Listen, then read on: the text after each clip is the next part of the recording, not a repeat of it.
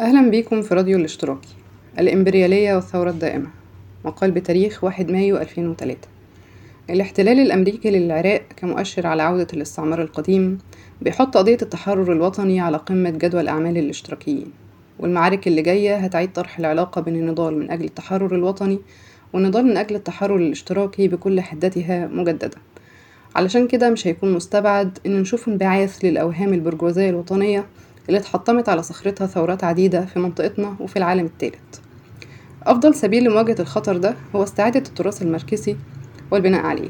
وفي السياق ده ربما لا يلاحظ كثيرون أن نظرية الثورة الدائمة اللي طورها القائد الثوري الروسي ليون تروتسكي في مطلع القرن اللي فات بتقدم حل للعلاقة الإشكالية بين النضال الوطني والنضال الطبقي. بيبدأ تروتسكي طرحه بالتأكيد على عالمية الرأسمالية. الرأسمالية استطاعت أن تخلق سوقا عالميا جبارا لا يمكن فهم وحداته إلا كأجزاء من كل واحد. المفارقة أن الطبيعة العالمية للسوق لم تقضي أبدا بل إنها عززت التفاوت بين الوحدات القومية المختلفة. فمثلا في مطلع القرن العشرين كانت الصورة كالتالي إلى جانب بريطانيا وفرنسا المتقدمتين كنا بنلاقي الإمبراطوريتين الروسية والمجرية النمساوية اللي لم تتخلصا بعد من أغلال الإقطاع. وإلى جانب الولايات المتحدة الصاعدة كالصاروخ كنا بنلاقي المكسيك وبيرو اللي لم تمسهما يد الحداثة إلا قليلا. إذا فلقد عمقت الرأسمالية التفاوت بين البلدان المختلفة بل وفي داخل كل بلد على حدة. وده اللي سماه تروتسكي بالتطور المركب واللامتساوي مؤكدا انه قانون عام لا يمكن أن يفلت منه العالم في ظل الرأسمالية على إنه المهم بالنسبة لينا إنه تروتسكي استخلص من القانون ده نتائج سياسية مركزية. هو شاف إن التطور الرأسمالي في الدول اللي لم تمسها يد التحديث إلا في مراحل متأخرة ليه خصوصية فتطور تلك الدول لم يتم في فراغ ولكن على خلفية الوجود الفعلي لقوى رأسمالية سبقتها وحققت مواقع مسيطرة على السوق العالمي. الدول المتأخرة اتحولت إلى الرأسمالية تحت ضغط المحيط الخارجي وكان أمامها أحد خيارين إما أن تحاكي ما وصلت إليه القوى الكبرى وإما أن تتحطم على صخرة الصراع ضد من هم أكثر حداثة. من هنا لعب جهاز الدولة قبل الرأسمالي في الدول المتأخرة دور جوهري في دفع التطور الرأسمالي.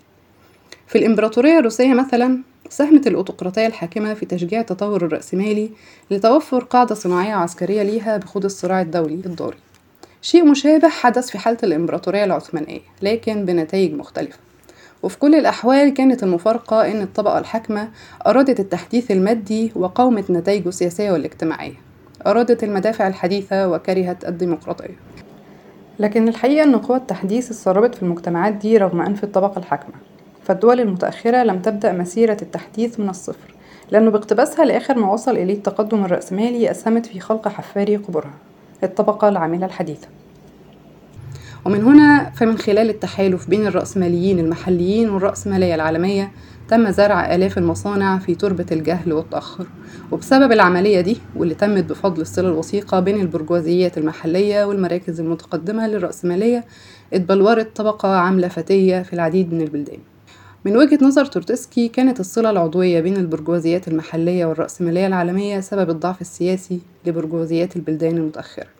وحدة المصالح مع الإمبريالية جنبا إلى جنب مع الذعر المتنامي من قوة الطبقة العاملة دفعوا البرجوازيات المحلية إلى أحضان رجعية. وبدلا من أن تلعب تلك البرجوازيات الدور الثوري الكلاسيكي على غرار نموذج الثورة الفرنسية اتحولت إلى رصيد للثورة المضادة. كانت النتيجة تغير نوعي في الخريطة الاستراتيجية للنضال الثوري. قبل ما تواجه البرجوازية الإقطاع لقت نفسها منغمسة معاه في مساومات رخيصة. من إذا الذي يحمل لواء الثورة؟ ومن يستطيع تصفية بقايا الإقطاع؟ من يعطي الأرض لمن يفلحها؟ ومن يناضل من أجل الديمقراطية ويواجه الهيمنة الاستعمارية؟ إجابة تروتسكي كانت واضحة. مهام الثورة البرجوازية لن يستطيع إتمامها إلا الطبقة العاملة وسوف يستتبع هذا أن تكسر تلك الطبقة في غمار عنفوانها الثوري الحاجز الوهمي بين مهام البرجوازية للثورة وبين مهامها الاشتراكية. الطبقة العاملة هتنطلق من مواجهة الاستعمار إلى مواجهة رأس المال. ومن حل إشكالية الديمقراطية البرجوازية إلى خلق جنين الديمقراطية العمالية. الأهداف دي مش هتتحقق أبدا إلا في سياق انتشار الثورة لدحر الرأسمالية على المستوى العالمي. دي كانت خلاصة نظرية تروتسكي وكما يمكننا أن نرى فإنها قادرة على تقديم إجابة شافية لأهم سؤالين بيواجهونا النهاردة. لماذا لم تقاوم البرجوازية عودة الاستعمار ومن يمكنه تحمل هذه المسؤولية؟ نبص على السؤال الأول العالم اتغير من يوم ما صاغ تورتسكي نظريته لكن التغير بيخلي نظريته أكثر صحة. فاليوم برجوازيات المستعمرات القديمة اللي قادت في السابق حركات جماهيرية أصبحت في السلطة. القوى البرجوازية الرئيسية اللي كانت مترددة وخايفة ثم ارتمت في أحضان الاستعمار حسمت موقفها وأصبحت هي في السلطة تقف في خندق الإمبريالية.